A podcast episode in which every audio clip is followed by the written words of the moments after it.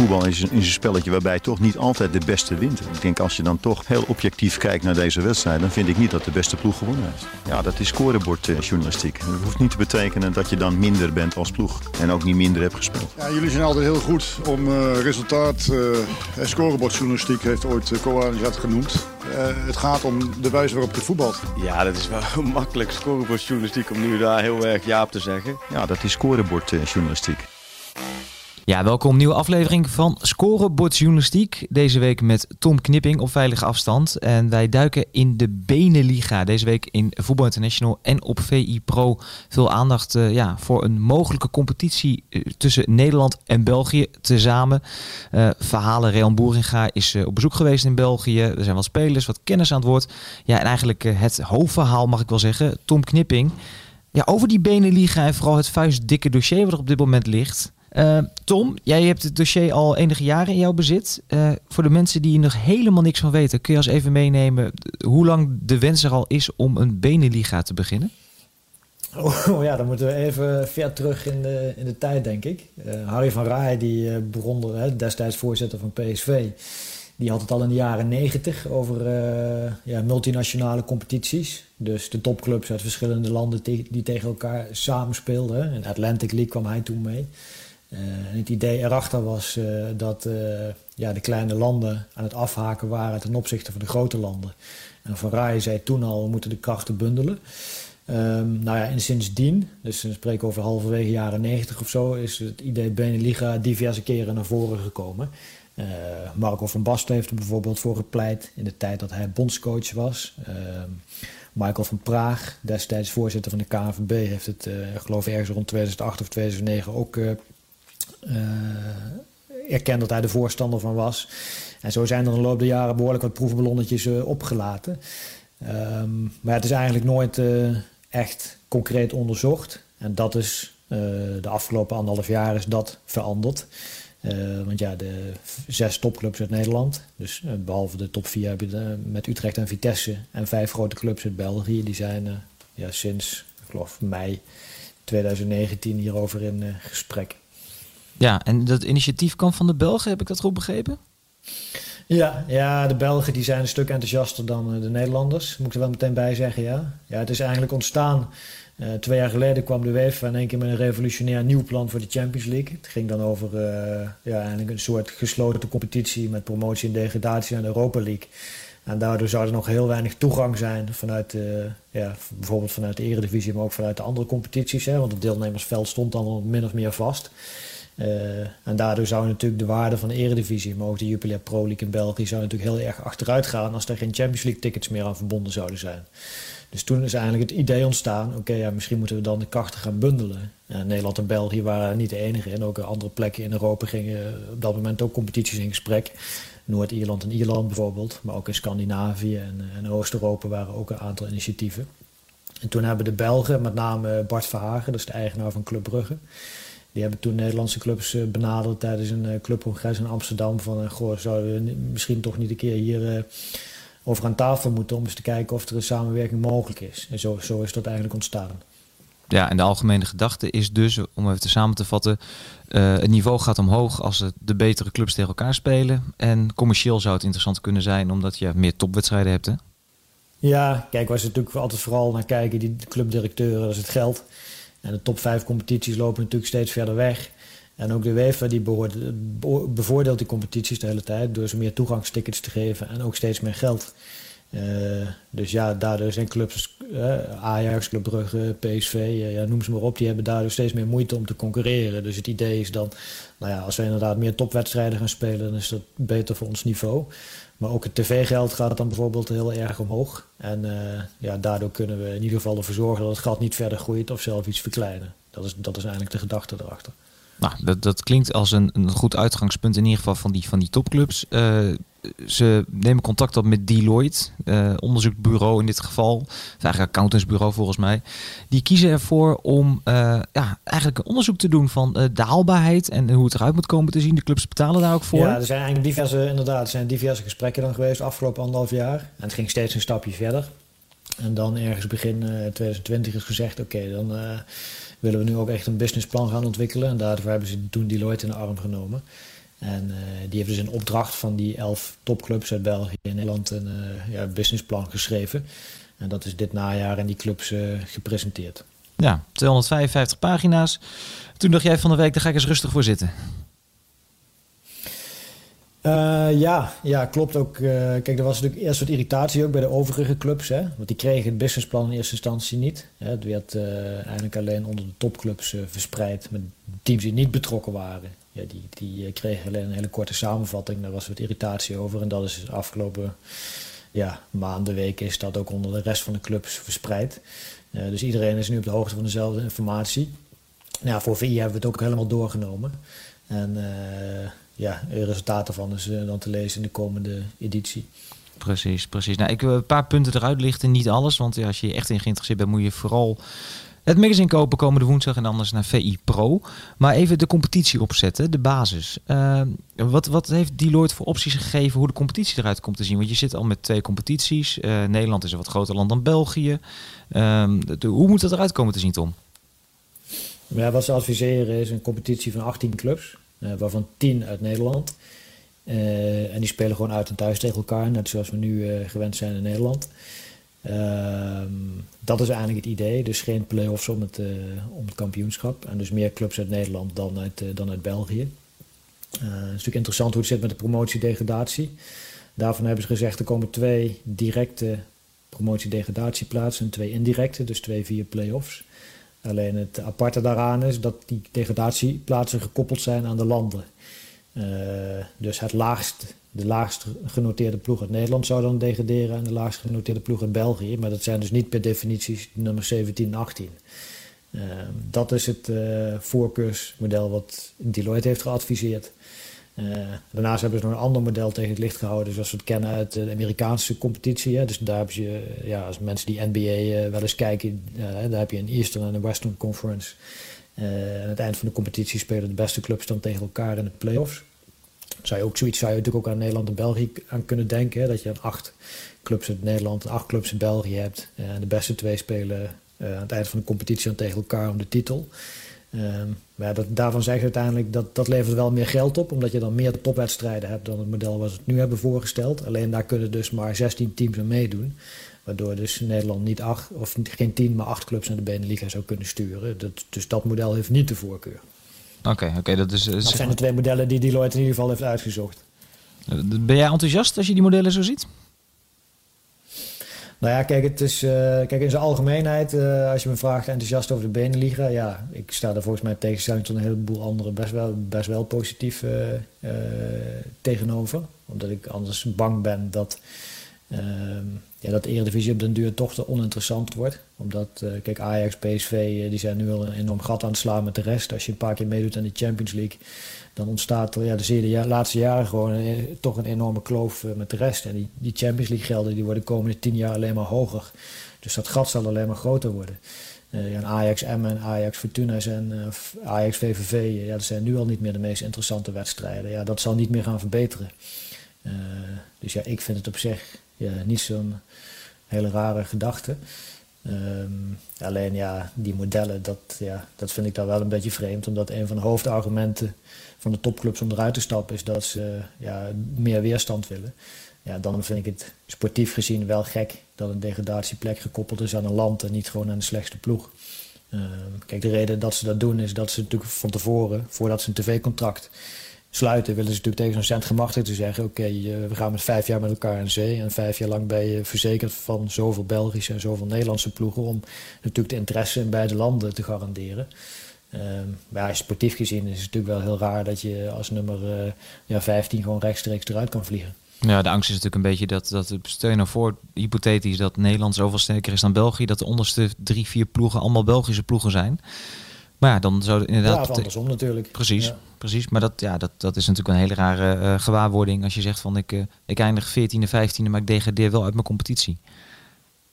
Ja, precies. En dat vindt, dat vindt Deloitte zelf ook. Dus daar hebben ze weer voorgesteld. Oké, als iemand dan 14e of hoger eindigt, of een ploeg 14e of hoger eindigt, dan moet hij minimaal een play-off kunnen spelen. Ja, door zo'n regel wordt het dan meteen ingewikkeld, weet je wel. Dan moet je er al meteen weer heel veel gaan uitleggen aan zo'n competitiemodel. Dus dat maakt het dan wat minder, minder sterk. Je moet het... Maar ik moet zeggen, we hebben, we hebben toen geloof februari of maart hebben we met VI een enquête gedaan onder alle clubs hoe ze erover dachten. Nou, dat was heel verspreid. En daar hebben we toen op YouTube een filmpje over gemaakt. En uh, toen hebben we ook een enquête eraan uh, vastgemaakt op YouTube en de mensen laten stemmen. YouTube zijn natuurlijk, is met name een jonge publiek natuurlijk. Maar daar kwam toen wel een meerderheid uit die positief was over de Beneliga. Dus dat vond ik toen wel opvallend. Dat het jonge publiek daar kennelijk wel in geïnteresseerd is. Ja, dat zijn, ik weet niet hoe jij tegenaan kijkt. Daar heb ik wel altijd even discussie op. Ik zie ook al bij ons op de website, als er een bericht komt over Beneliga, dat roept toch heel veel emotie op. Hè? Enorme voorstanders, maar ook uh, felle tegenstanders. Ja, ik, ik, ik ben zo iemand die een beetje in het midden uh, laveert. Kijk, ik vind dat er iets moet gebeuren, omdat ik ook het verschil groter zie worden met de Europese topcompetities. Tegelijkertijd hou ik, ik ben een romanticus, ik hou van de competitie met uh, Heracles Almelo, Pek en VV Venlo. Um, ik vraag me af vanuit supporters oogpunt of het leuk is om vanuit, uh, nou dat Groningen meedoet, om dan naar uh, Brussel te moeten in het weekend. Ik weet niet, hè, als corona voorbij is, of dat helemaal de oplossing is. En ik maak me heel erg zorgen, maar daar gaan we het zo even over hebben, over wat daaronder gebeurt. Wat, wat doe je met, je, uh, met de rest van je clubs, met de rest van je competities? Hoe zorg je ervoor dat dat interessant blijft? Wel, uh, ja, daarvoor zeggen ze, kijk, ik, ik vind zelf ook Heracles en, en Zwolle natuurlijk ook gewoon mooie ploegen, maar die verdwijnen natuurlijk ook niet. Uh, de bedoeling is dan ook dat er een nieuwe eredivisie onder komt, waar gewoon ja, de krachtsverschillen niet zo extreem zijn als nu. Want ik denk, ja, wat is, wat is er als VVV-supporter nog leuk aan om met 13-0 van Ajax te verliezen? Ik bedoel, uh, ja, als, als, de kans dat je steeds minder vaak wint, dat, die wordt natuurlijk alleen maar groter op deze manier. Kijk, die, uh, die financiële ontwikkeling, met name door die van uh, clubs die in de Champions League meedoen, ja, die zal de komende jaren niet meer ten positieve natuurlijk van de subtop en de middenmoot gaan veranderen. Integendeel. dus het idee is, ja, dan heb je de beste clubs in de Beneliga en daaronder heb je dan gewoon in Nederland de Eredivisie en in België en Jupiler Pro League. Met, uh, ja, met de clubs die dan net niet goed genoeg zijn, maar wel kans maken op promotie naar de Beneliga. Dus ja, voor die clubs is er wel degelijk een competitie. Alleen wat het probleem natuurlijk is, PEC en Heracles, ja, die leven natuurlijk wel een beetje van die wedstrijden tegen Ajax en Feyenoord en PSV. Die allemaal langskomen en dan verkopen ze veel kaarten. En dan zijn natuurlijk alle sponsorplaatsen uitverkocht. Ja, die inkomsten die ga je natuurlijk missen. En dat is natuurlijk grote vraag. En dat vind ik ook een beetje een zwakte in dat hele rapport van Deloitte. En daar is totaal niet doorgerekend ja, wat het voor de rest van de competitie zou uh, uh, betekenen. En dat vind ik wel een beetje een zwakte als je al anderhalf jaar in gesprek bent. Ja, dan moet je langzamerhand ook wel een idee hebben van hoe dan de rest van het voetballandschap in Nederland eruit zou moeten zien. Als je zo'n Beneliga zou invoeren. Ja, ja, daar worden dan een aantal een aantal ideeën voor aangedragen. Maar ja, dat zijn ook opties die jij en ik op papier kunnen zetten, weet je wel. Je verwacht van zo'n bureau toch ook dat dat is doorgerekend en dat er dan een helder advies uitkomt. Kijk, een paar competitieformats naast elkaar op een rijtje zetten kunnen we natuurlijk allemaal wel. Daar hoeven niet een paar, voor een paar ton een bureau voor in te huren, volgens mij. Uh, ja, dat, dat, dat is nog onduidelijk. Ja, want dat, wat, dat lees ik ook in jouw stuk. Ze, ze rekenen wel voor dat er een inkomensgroei van 30 tot 40 procent plaatsvindt voor het Nederlands voetbal. Maar hoe dat precies verdeeld gaat worden zo meteen. En hoe je ook die solidariteit krijgt naar die clubs die er niet in die Beneliga terechtkomen. Ja, dat blijft een beetje gissen. En ik kan me ook voorstellen dat die clubs die dus waarschijnlijk buiten de boot gaan vallen... ook gaan denken van ja, hier kan ik niet mee instemmen. Want ik weet niet wat dit voor mijn toekomst betekent. Nou, die, die, solidariteit, daar hebben ze op zich wel een uh, heldere berekening voor. Ze hebben, uh, alleen wat totaal vaag is, is ja, hoeveel gaat die Beneliga opleveren? Precies. Uh, ze, hebben, ze hebben verschillende scenario's uitgewerkt. En, uh, bijvoorbeeld tv-geld. En het slechtste scenario is het 175 miljoen euro. En het beste scenario is het 475 miljoen euro. Ja, dat, met andere woorden, het kan vriezen, het kan dooien. Daar heb je natuurlijk niet zoveel aan. Alleen op basis van die getallen hebben ze wel een solidariteitsberekening gemaakt. Het is wel mogelijk dat alle clubs er in dat scenario, zelfs dat slechtste scenario, er gewoon op vooruit gaan. Daar hebben ze allerlei berekeningen gemaakt met afdrachten. En ze kunnen dus wel garanderen dat de clubs die niet meedoen, minimaal 110% van het inkomstenniveau van nu houden qua tv-gelden. Maar ja, goed, dat, met die wetenschap heb je nog niet zoveel aan. Hè? Want als vervolgens het publiek niet meer geïnteresseerd is in die nieuwe eredivisie, of sponsors willen zich niet meer aan verbinden omdat alle aandacht gaat, uitgaat naar de Beneliga, ja, dan, dan heb je natuurlijk alsnog weinig bestaansrecht. Uh, dus ja, dat bedoel ik ook. Dat is gewoon niet goed doorgerekend wat het voor de rest van de clubs betekent. Dat is gewoon nog uh, niet duidelijk genoeg. En dat zal natuurlijk wel moeten gebeuren, want ja, in Nederland, stel de topclubs willen dit. want zover is het natuurlijk nog lang niet. Maar stel dat ze straks een jaarwoord geven, dan, ja, dan zullen ze toch de rest mee moeten krijgen. Want in Nederland is het nog steeds zo geregeld dat er een 65 meerderheid moet zijn om zoiets te regelen. Dus vrijwel alle clubs in het betaalde voetbal, of in ieder geval in de eredivisie, die zullen het hier dan over eens moeten zijn. Dat klinkt wel als een hele lange route dan, Tom. Ja, ja, dus als je mij vraagt, gaat het gebeuren, dan denk ik van niet. Ook omdat uh, ja, de Nederlandse clubs daar gewoon niet, niet uh, enthousiast genoeg over zijn. Uh, ze, ze, praten ook al heel lang. Er zijn nu al diverse rapporten gemaakt, maar er is geen enkele ja, topclubdirecteur die bijvoorbeeld wat in België wel gebeurt, die echt naar voren stapt van nou wij zien dit is de visie die wij omarmen, dit is de internationale visie die wij omarmen. Dat zie je hier nog niet. dus daardoor heb ik, ja, als je mij vraagt van nou, wat is de kans dat het doorgaat, dan denk ik misschien ja, tussen de 10 en de 20 procent. Dat, dat is niet veel, dat is niet veel. Laten we toch even doorspeculeren op het feit dat hij er wel komt. Interessante vraag. Uh, collega Rehan Boeringa die, uh, was in België. Die was bij de wedstrijd uh, Anderlecht Standaard Luik. Twee partijen die aan tafel zitten. maar ook twee ploegen die redelijk weggevallen zijn in België. Ehm, stel die Beneliga er komt. 18 ploegen gaan we dan vanuit.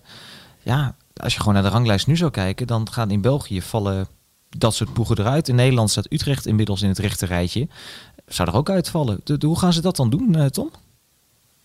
Ja, nou, het idee wat daarvoor is, is dat ze naar de ranglijst kijken in de, in de vijf seizoenen voor de start van de Beneliga. Uh, en het laatste seizoen telt dan het zwaarst. Dus het laatste seizoen voor de, uh, voor de start krijgt factor 5 en het seizoen van vijf jaar geleden krijgt factor 1. Dus er komt een soort ja, gewogen stand komt er dan op basis van vijf jaar. En de beste tien uit Nederland zouden dan doorgaan. Dat is het idee. Dus ja, de clubs die nu meepraten, die zitten daar natuurlijk wel bij. Ik neem aan Utrecht en Vitesse op basis van vijf jaar uh, wel bij de beste tien komen. Ja, oké. dus via de andere topclubs natuurlijk sowieso. Precies, precies. Maar het is natuurlijk ook wel. Het klinkt ook wel interessant een beetje Jij hebt dan een heleboel. Ja, wat, eh, wat natuurlijk interessant zou worden, stel, uh, stel dat het doorgaat inderdaad en op die manier gaan ze selecteren. Ja, wat gebeurt er met die clubs rond die tiende plek? Hè? Die gaan natuurlijk gigantische risico's nemen om daar dan bij te horen. Dus ontstaat in die laatste paar jaar ontstaat er wel een enorme red race en een soort schaduwklassement om in die top 10 uh, eh, te eindigen. Dus uh, ja, daar uh, kun nog wel wat, zou je nog wel wat financiële risico's kunnen, kunnen voorzien. Een paar gekke transferzomers die dan na zitten te komen, zeg maar. Ja, ja, ja. ja. En uh, de, de, toch het laatste nog even daarover. die competities daaronder, hè, dat vind ik dan wel interessant. ik heb daar ook een paar scenario's voor gelezen. Um, de, zeg maar, de nieuwe eredivisie die er dan zou moeten komen zonder de topclubs. Uh, ja, ik heb, ik heb gelezen een eredivisie van 18 met semi-profs erin. Een eredivisie van 18... Ja, dat is wat ik je... Ja. ja, dat is wat ik je net zei. Hè, van ze hebben gewoon, uh, wat wij ook kunnen bedenken. Ja, ze hebben er gewoon drie of vier naast elkaar gezet. Ja, zoek het verder maar uit. Ja. je verwacht er wel iets meer van zo'n bureau, moet ik eerlijk zeggen. Maar ja, dat is wat jij en ik ook kunnen verzinnen. Of je maakt daaronder inderdaad een eredivisie en een nieuwe eerste divisie met uh, jongploegen en, uh, en de beste clubs uit de tweede divisie. Dus dan zou je een open systeem krijgen in Nederland, wat we nu niet hebben, met profs en amateurs. Of je zou gewoon kunnen denken eh, aan een eredivisie en een kleine eerste divisie zonder amateurs. Of een ander voorstel wat ze hebben gedaan is dat je het opdeelt in, in twee regiopools. Uh, waar dan uiteindelijk de beste ploegen tegen elkaar in de play-off spelen. Ja, dat zijn dan modellen die ze hebben verzonnen. Ja, goed, dat kan, zo kunnen we nog wel drie verzinnen. Het gaat er natuurlijk om dat je uiteindelijk dat, uh, de, de consequenties daarvan in kaart brengt. Het draagvlak, uh, dat je doorrekent welke gevolgen het heeft financieel en sportief. En dat je basis daarvan volgens mij een advies geeft. Eens, maar met Tom, nu loop je al... Dat, dat had volgens mij moeten gebeuren, maar dat is dus nog niet in orde. Maar hoe, hoe kan dat niet gebeurd zijn dan? Want dat, dat, dat is dan toch de eerste stap die je moet zetten om draagvlak te krijgen? Ja, kijk, er zijn natuurlijk meer vragen. Kijk, de, de, de twee belangrijkste vragen zijn nog niet uh, beantwoord. Kijk, er zijn, voor de topclubs is de voornaamste reden om dit te doen is gewoon het tv-geld. Want dat is natuurlijk een zware irritatie van Ajax, PSV en Feyenoord. Die krijgen hier natuurlijk een fooi. Ik geloof dat Ajax iets van 10 miljoen tv-geld krijgt. Ja, de nummer laatste in de Premier League krijgt 100 miljoen. en Ajax draagt die tv-zender met Feyenoord. Als je gewoon de kijkcijfers kijkt, uh, ja, zij, zij steken met schouders bovenuit. Dus daar zit gewoon wel een irritatie bij. We krijgen gewoon veel te weinig. Dus voor, voor ons gewoon meer uit te halen. Uh, Dus ja, maar goed, dan moet je eerst een indicatie hebben van ja, wat, zou, wat zou nou een reëel tv-bedrag zijn. Ja, dat komt uit dit rapport niet naar voren. Ehm, dus vandaar dat ze nu hebben ze een projectmanager aangesteld, dat is een oud topman van RTL. Ja, die moet dat eh, in kaart gaan brengen en die zal geloof ik eind deze maand met een advies daarover komen. Of tenminste met een indicatie. Dus dat is de eerste belangrijke vraag die niet is beantwoord. En de andere belangrijke vraag is het aantal uh, Europese tickets. Uh, UEFA heeft officieel nog geen toestemming gegeven voor uh, ja, dit soort fusiecompetities. Dat gaan ze waarschijnlijk rond ja, voorjaar 2021 doen. Um, maar ja, het is natuurlijk wel relevant hoeveel tickets krijgt zo'n competitie. Want als je het nu optelt, hebben Nederland en België de 10. Ja, ik kan me niet voorstellen dat UEFA er zoveel gaat uitdelen voor een competitie. Competitie 18 uh, clubs waarvan de, de eerste 10 dan, Europa in mogen. Ja, en, precies. En daarnaast, is dan de vraag: hè, moeten die tickets net als de degradatieplaatsen dan gekoppeld worden aan de landen of gewoon op basis van, van de ranglijst? Ja, daar hebben ze eigenlijk nog geen flauw idee van. Uh, dus ja, zowel die UEFA-tickets als tv-geld staan nog helemaal open. En dat zijn natuurlijk wel de twee belangrijkste hordes. Kijk, je kunt, je kunt 100 plannen maken, maar zolang je daarvan geen antwoord op hebt, ja, dan kun je eigenlijk ook, kunnen die topclubs eigenlijk ook nooit een beslissing nemen. Je moet toch weten welke consequenties het heeft Europees, want daar is het eigenlijk allemaal om te doen, en om de tv-geld. En uh, ja, dus dus het is mooi zo'n plan. Maar ja, als, als een van die stoplichten op, uh, op, op rood komt te staan, dan houdt het natuurlijk gewoon het hele verhaal op. Wat is nu het vervolgtraject dan, Tom, met deze? Want die twee vragen moeten beantwoord worden. Wat jij zegt, die, die, nou ja, die dus die zitten. Die twee, uh, ja, ten eerste die twee vragen beantwoorden. Dus dat, ja, kijk, dat tv-geld hebben we nu man voor een huis. Ja, die uh, is baas van RTL geweest. Dus die zal er best ja, met zijn netwerk een, een reële inschatting van kunnen maken. Dus dat is te doen. Alleen wat betreft UEFA plaatsen, ja, daarvan bent u ook afhankelijk van ja, de opstelling van de, van de UEFA. Ik geloof een aantal mensen van de KNVB hebben het laatst bij de Europese Supercup aangekaart. Ja, toen, toen wilde Severin, de voorzitter van de UEFA, daar nog niet uh, te veel over zeggen. Die wil eerst de plannen voor de nieuwe Champions League na 2024 afronden. Dat wordt uh, waarschijnlijk eind dit jaar of begin volgend jaar. Daarna gaat hij een standpunt innemen over, die, ja, over dit soort competities. Um, de geruchten zijn wel dat hij daar niet, niet negatief over is. Want hij heeft er zelf natuurlijk ook belang bij als UEFA. Dat er op het hele continent gewoon interessante, spannende competities gespeeld blijven worden. En dat het niet te saai en voorspelbaar wordt. Dus er is wel een verwachting dat UEFA pilotprojecten gaat toestaan.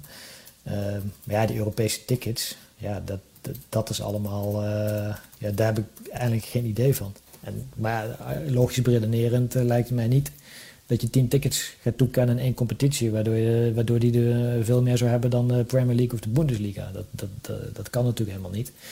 Um, en ik vind ook Nederland en België wel erg uh, afwachtend.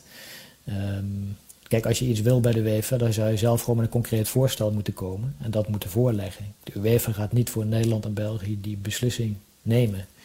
Uh, dus uiteindelijk zullen Van der Sar en Gerbrands en uh, ja, ook de mensen van Club Brugge, Anderlecht, die zullen zelf toch het moeten omarmen, moeten uitdragen en uh, het UEFA moeten, moeten voorstellen. En ja, dat enthousiasme bespeur ik toch nog niet echt hoor. Het is allemaal heel erg onderzoekend achter de schermen. En ik krijg ook een beetje het gevoel dat de Nederlandse clubs het met name ook gaan gebruiken straks als een soort drukmiddel naar de andere clubs in Nederland.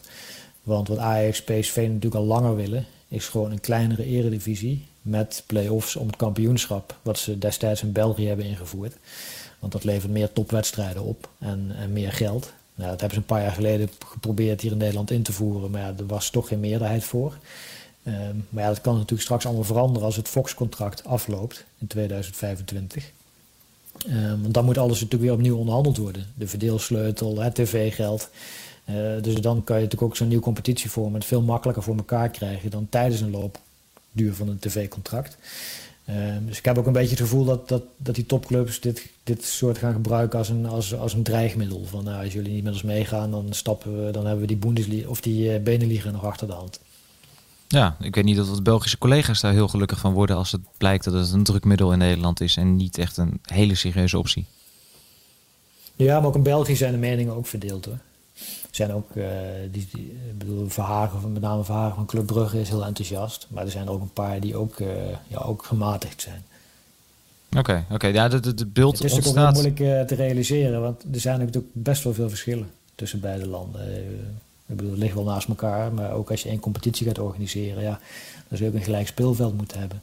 En dat is natuurlijk nu ook niet. Als je in België betaal je voor een speler van buiten de EU 80.000 euro en hier 400.000 euro. Ja, dat, dat is gewoon een klein voorbeeldje, maar zo zijn er natuurlijk wel honderd uh, verschillen die je zal moeten overbruggen. Ik ben ook meteen denken aan die buitenlandse eigenaren. Volgens mij iedereen daar... Uh, ja, nou, dat bijvoorbeeld ook. Hè. In België zijn er natuurlijk heel veel clubs al in buitenlandse handen. En ook heel veel clubs die fungeren als een soort uh, ja, opleidingscentrum voor de grote ja, beleggers en voetballers.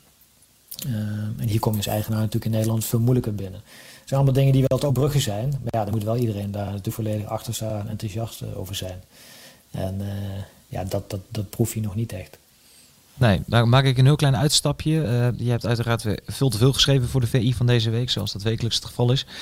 Uh, die Nederlandse clubs zullen ook heel erg kijken naar de nieuwe opzet van de Champions League. Daar heb je ook een verhaal over gemaakt deze week. En dat ligt eigenlijk een beetje in het verlengde hiervan. Want wij praten over de Beneliga, wij praten over de Eredivisie. Maar als ik, als ik dat verhaal lees wat jij geschreven hebt, dan wordt die competitie veel en veel belangrijker dan een nationale competitie. Nou ja, precies. Dat is ook zo. En daar, je hebt helemaal gelijk, licht in het verlengde van elkaar. Dus daarom dat ik net ook zei van... Ik denk dat Severin uiteindelijk wel pilots gaat toestaan. Want die ziet natuurlijk dadelijk ook dat die nationale competities steeds minder interessant worden. Door de enorme financiële kloof. Maar ook de steeds ja, grotere aandacht die uitgaat naar de, naar de Champions League. En uh, nou, kijk, de huidige contracten van de Champions League die, die liggen nog vast tot 2024. Dus tot dat jaar blijft alles hetzelfde. Um, nou, het zijn ze twee jaar geleden, wat ik straks al zei, met een nieuw plan gekomen, promotie, degradatie en Europa League. Nou, daar is heel veel kritiek op gekomen vanuit heel Europa. Dus uh, toen moesten we even terug naar de, naar de tekentafel, want dat is eigenlijk door ja, vrijwel alle clubs uh, en andere belanghebbenden is dat afgeschoten. En nu hebben ze het idee om te komen met één pool van 32 of 36 clubs. En alle clubs in die pool die spelen 10 wedstrijden. en na 10 wedstrijden wordt de stand opgemaakt. En dan gaan de, de bovenste acht gaan dan door naar de knock-out fase. En de nummers 9 tot en met 24 spelen nog een soort tussenronde knock-out. En daarvan gaan er ook weer acht door. En zo worden dan de laatste 16 uh, geselecteerd. Um, dus je hebt, je hebt eigenlijk één stand met, met 32 of 36 ploegen. Dat is allemaal nog niet precies duidelijk hoor. Ze zijn nog aan het over, over, aan het over onderhandelen. Maar dit is in ieder geval de denkrichting. Um, waar ze met de Champions League naartoe willen. Maar daar zit ik wel hard op na te denken. Dat betekent dus dat je in een poolsysteem terechtkomt waarbij je dus niet tegen alle tegenstanders speelt. Ja, ja, ja, ja. ja dat is inderdaad uh, het idee. En er komt dan een gewogen loting ook met verschillende potten. Om, uh, hè, maar voor iedereen is de route naar de knock-out fase is, is anders. Dus ja, dat is van het begin even uitleg uh, vergen. Met het idee daarbij is, ja, nu heb je allemaal pools van vier. En vaak is er vier speelrondes. Zijn er natuurlijk ieder jaar toch wel behoorlijk wat clubs door. En dat wordt steeds extremer door die steeds grotere verschillen. Dus daardoor is het niet spannend genoeg. En ook de kijkcijfers vallen daardoor tegen. Uh, met één zo'n pool denken ze, ja, dan worden de kijkcijfers in heel Europa beter. Want iedere wedstrijd heeft eigenlijk invloed op de andere ploegen. dus Ajax in tiende staat en er spelen twee ploegen uit andere landen tegen elkaar. Ja, dat is waarschijnlijk aantrekkelijker voor Nederlandse eh, supporters om daar dan naar te kijken dan nu het geval is in een aantal pools. Dat is een beetje de gedachte erachter van, ja, ze denken dan uh, dat, ja, dat het voor de, voor de tv-zenders, dat is natuurlijk altijd waar het om draait, achter de schermen, dat dat interessanter is. Ja, en dus wat belangrijk is, dat dus tien groepswedstrijden komen in plaats van zes. Dus ja, dat, daar de verschuift aandacht natuurlijk steeds meer naar, naar Europa. En zullen die nationale competities steeds verder onder druk komen. En als je dan ook nog in die tussenronde komt, wat ze nu hebben bedacht, ja, dan speel je dus vijf of zes wedstrijden meer dan nu het geval is. Voor de winterstop. Hè? Zo, zo dat, het programma was te vol toch? Heb ik, hoor ik altijd. We hebben te, veel wedstrijden. Ja, maar ja, dat is natuurlijk de trend die al 30 jaar gaan, is dat het allemaal steeds verder wordt uitgemolken. Dus ja, dan krijg je zo een grote club WK erbij. Dus ja, het, uh, het wedstrijdschema wordt steeds voller. En af en toe roept er een trainer wat. Maar het is geen organisatie van het spelers en trainers om dat. Uh, die zijn niet zo georganiseerd dat ze voldoende druk uitoefenen dat het minder wordt. Nee, maar dit, dit, als ik dit zo hoor, dit plan met, het, met meer wedstrijden, met meer topwedstrijden. Dat betekent dus ook dat clubs als Ajax en PSV en ook Club Brugge ja, toch veel meer de focus gaan hebben op dat toernooi en er alles aan doen om daarbij te zijn. En dat we in de eredivisie of Beneliga toch vaker een, een, een B-elftal aan het werk gaan zien. Want de nadruk ligt op de grote competitie waar je geld kan verdienen. Ja, ja, en zeker als, dan, als er geen Beneliga komt en je houdt gewoon een eredivisie uh, en zoals, zoals in België ook een kleine competitie met play-offs aan het einde. Ja, zeker in dat eerste half jaar dan kun je natuurlijk ook vrij makkelijk je B-team uh, opstellen. Want het gaat er dan nationaal alleen om, om bij die play-offs te komen. Uh, maar dat is een systeem wat Ajax PSV ook graag zouden zien, hè, het Belgische systeem in Nederland. Nou, stel je voor dat je dat in de toekomst hebt. Dus Europees voor de winterstop 10 groepswedstrijden. En nationaal hoef je eigenlijk alleen ervoor te zorgen dat je je kwalificeert voor de eindfase. Ja, dan heb je helemaal gelijk. Volgens mij gaat dan alle aandacht in de eerste helft van het seizoen Europa uit. En krijg je op nationaal niveau uh, ja, toch inderdaad eerder een B-team uh, dat op de benen wordt gebracht. Dus dat is natuurlijk ook iets waar clubs die misschien in principe tegen de benen liggen zijn, ook over, over, over na zouden moeten denken. Ja, hoe interessant is onze nationale competitie straks nog als we tegen Ajax B spelen in, uh, in de, in de eerste helft van het uh, seizoen.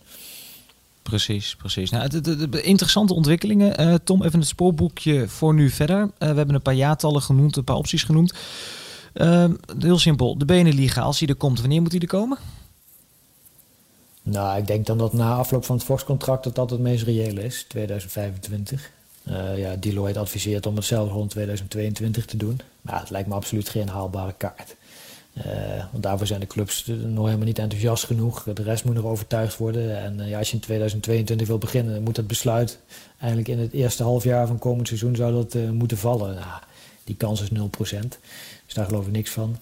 En ja, de volgende optie zou, de logische optie zou dan zijn de afloop van het contract van Fox. Dus dan heb je het over 25. Dus over vijf jaar. Over vijf jaar. En de, de nieuwe Champions League opzet, hoe die er ook precies uit komt te zien, dat zou dan vanaf 2024 zijn. Ja, ja. ja, daar komt wel snel meer duidelijkheid over. Want uh, Severin wil dat, of, ja, nog misschien zelfs eind dit jaar, maar anders begin volgend jaar wil hij dat gaan presenteren. Dus daar, daar, ja, daar, daar zijn ze verregaande gesprekken over.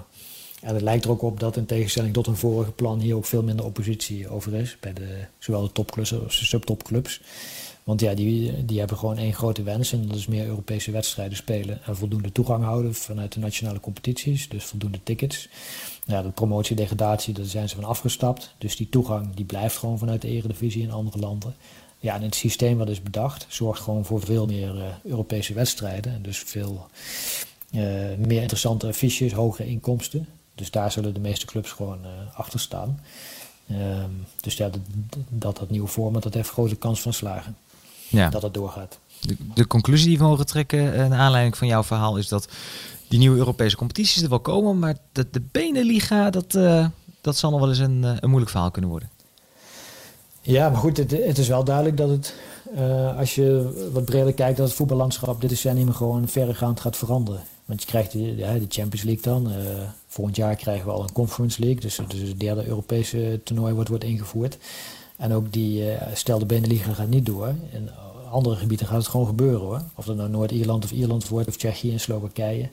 Uh, ook als je die geluiden toch achter scherm hoort bij de UEFA, dat ze al nadenken over pilots.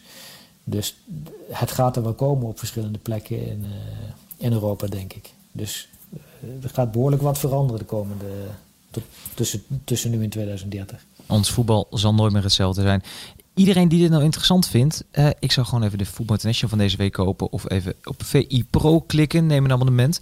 Want uh, ja, Tom Knipping heeft het hele uh, dossier wat Deloitte heeft neergelegd, ja, uitgespit. En alle onderwerpen komen daarin aan bod. Bovendien dus meer over die grote Europese competities.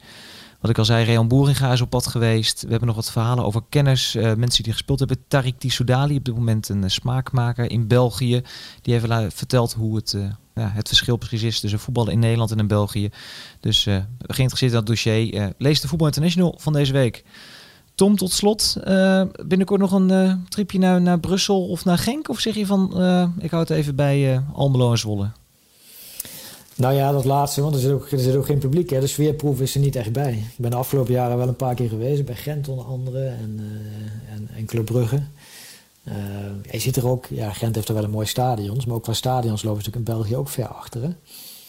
Zeker, zeker. Maar goed, ik, uh, ja, ik blijf voorlopig even de, de Nederlandse wedstrijden kiezen als je niet erg vindt. Als er straks een publiek bij zit, dan is een tripje in België wel leuk. Voetbal is een, is een spelletje waarbij toch niet altijd de beste wint. Ik denk als je dan toch heel objectief kijkt naar deze wedstrijd, dan vind ik niet dat de beste ploeg gewonnen heeft. Ja, dat is scorebordjournalistiek. Dat hoeft niet te betekenen dat je dan minder bent als ploeg en ook niet minder hebt gespeeld. Ja, jullie zijn altijd heel goed om uh, resultaat. Uh, scorebordjournalistiek heeft ooit uh, Koan dat genoemd. het gaat om de wijze waarop je voetbalt. Ja, dat is wel makkelijk scorebordjournalistiek om nu daar heel erg ja op te zeggen. Ja, dat is scorebordjournalistiek.